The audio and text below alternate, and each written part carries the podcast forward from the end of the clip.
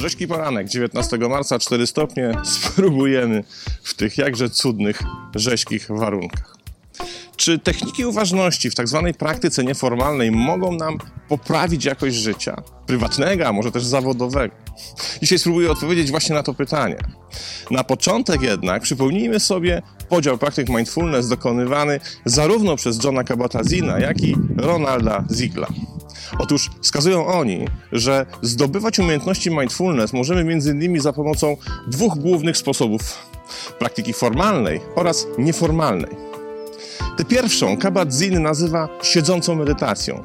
I jak sama nazwa wskazuje, to praktyka medytacyjna znana pod różnymi nazwami w różnych kulturach i religiach i praktykowana od tysiącleci jak świat długi i szeroki.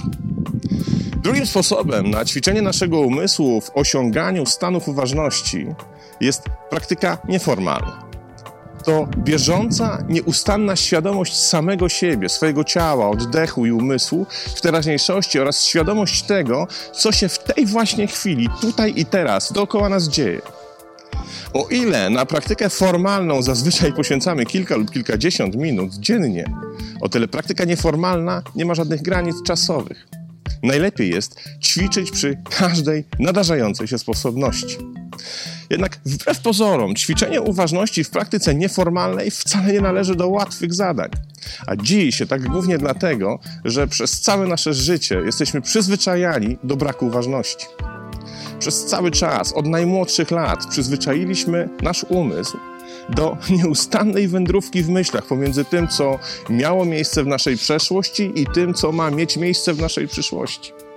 Temu zaś, co tu i teraz, nie poświęcamy większej uwagi, bo zazwyczaj przecież jesteśmy zajęci myślami o tym, co nie teraz i o tym, co zazwyczaj znajduje się zupełnie gdzie indziej niż my sami.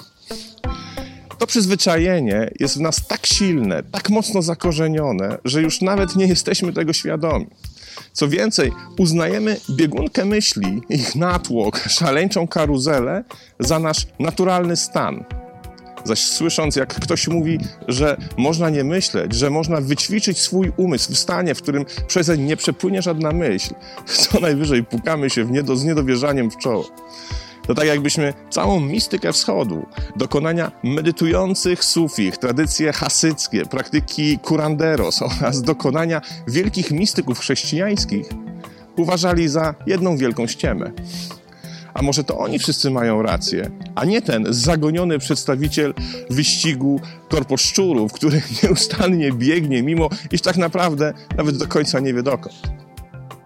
Jak to się zatem dzieje, że nie dostrzegamy benefitów płynących z uważności, z obecności w tu i teraz, a jednocześnie karmimy się najchętniej tym, co jak najdalej od miejsca, w którym się znajdujemy i przy okazji jak najdalej od teraz.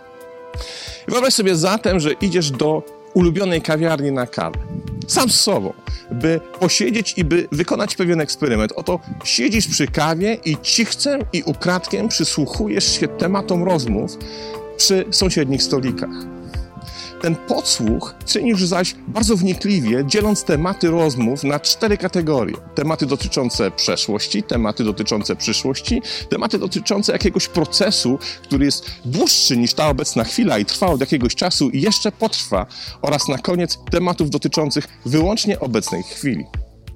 I teraz czas na pytanie.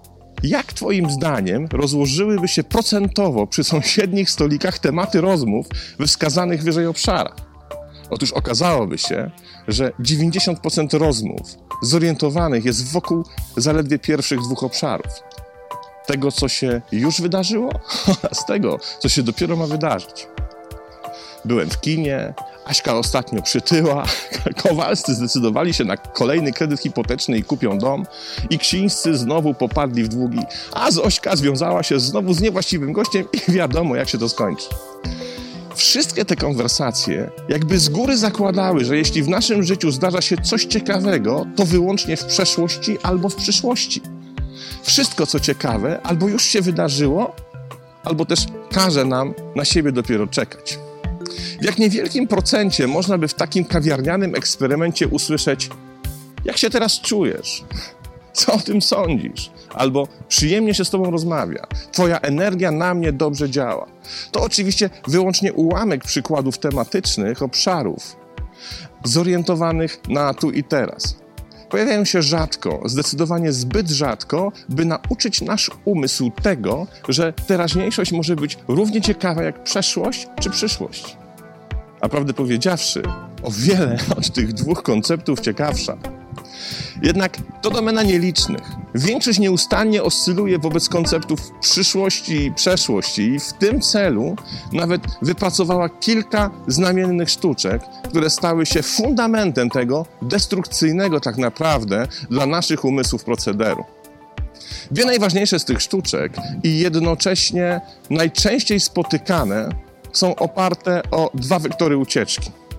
Pierwszy dotyczy czasu, drugi miejsca. Pierwszy to wektor ucieczki od teraz, drugi jest wektorem ucieczki od tutaj. Przyjrzyjmy się temu, jak działają i by zrobić to, posłużmy się po raz kolejny przykładem kawiarni. Oto siedzi przy kawiarnianym stoliku dwóch znajomych i pierwszy z nich zadaje drugiemu pytanie, co u ciebie słychać? W większości wypadków odpowiadający posłuży się tendencją do skorzystania z jednego z dwóch wektorów, albo też oboma naraz. A zatem odpowie na przykład: Zmarnowałem dzisiaj pół godziny w korku.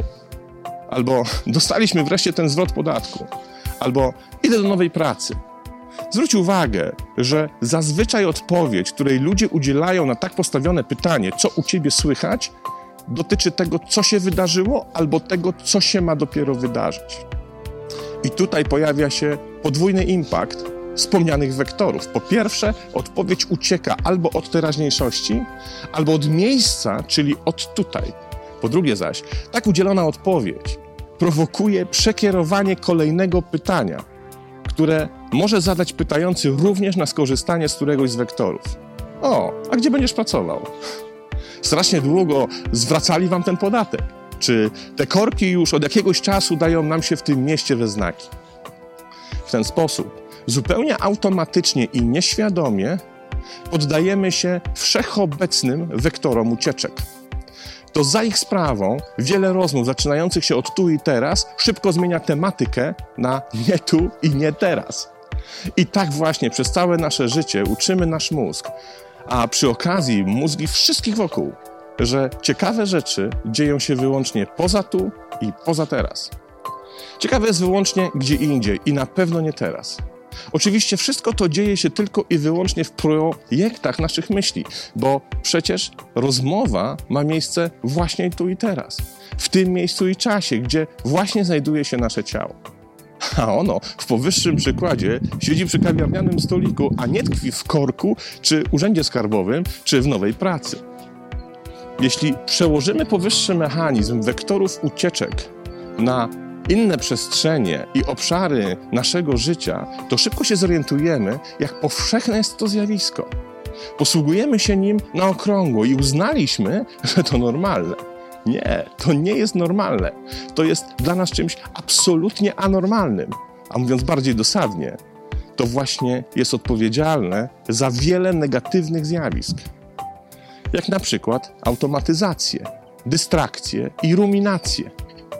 Ile razy bowiem zdarzyło ci się, że przyjechałeś rano samochodem do pracy i zanim opuściłeś samochód, nie mogłeś się nadziwić, jak tu do cholery trafiłeś, bo byłeś tak kompletnie zajęty jakimiś myślami, że nie zapamiętałeś niczego po drodze. O ile taka automatyzacja przy codziennym łazienkowym sięganiu po szczoteczkę do zębów nie jest niczym groźnym, o tyle już za kierownicą samochodu może nas i przy okazji jeszcze innych kosztować życie. A co powiesz na dystrakcję? Bierzesz się za jakąś robotę i nijak nie możesz jej kontynuować, bo wszystko, co cię otacza, cię rozprasza. Wszystko, co cię od tej roboty odrywa, a twój umysł wynajduje 100 tysięcy ciekawych myśli, które mają być ciekawsze od tych, które potrzebujesz, żeby wykonać zamierzone dzieło. Albo jeszcze inaczej, ile razy po przyjechaniu do pracy czy na uczelnię zastanawiałeś się, czy aby na pewno zamknąłeś w domu czy mieszkaniu drzwi? Czy aby na pewno wyłączyłeś żelazko, zakręciłeś wodę i nakarmiłeś rybki w akwarium? Co więcej, z każdą kolejną godziną to zastanawianie się jest coraz bardziej dokuczliwe, aż w końcu w drastycznym scenariuszu zwalniasz się z pracy, by pojechać do domu i sprawdzić, czy drzwi rzeczywiście są zamknięte. Wtedy dziwnym trafem są zamknięte, a ty najzwyczajniej w świecie stałeś się ofiarą ruminacji, czyli kaskadowo narastającej niepewności co do wykonania jakiejś czynności.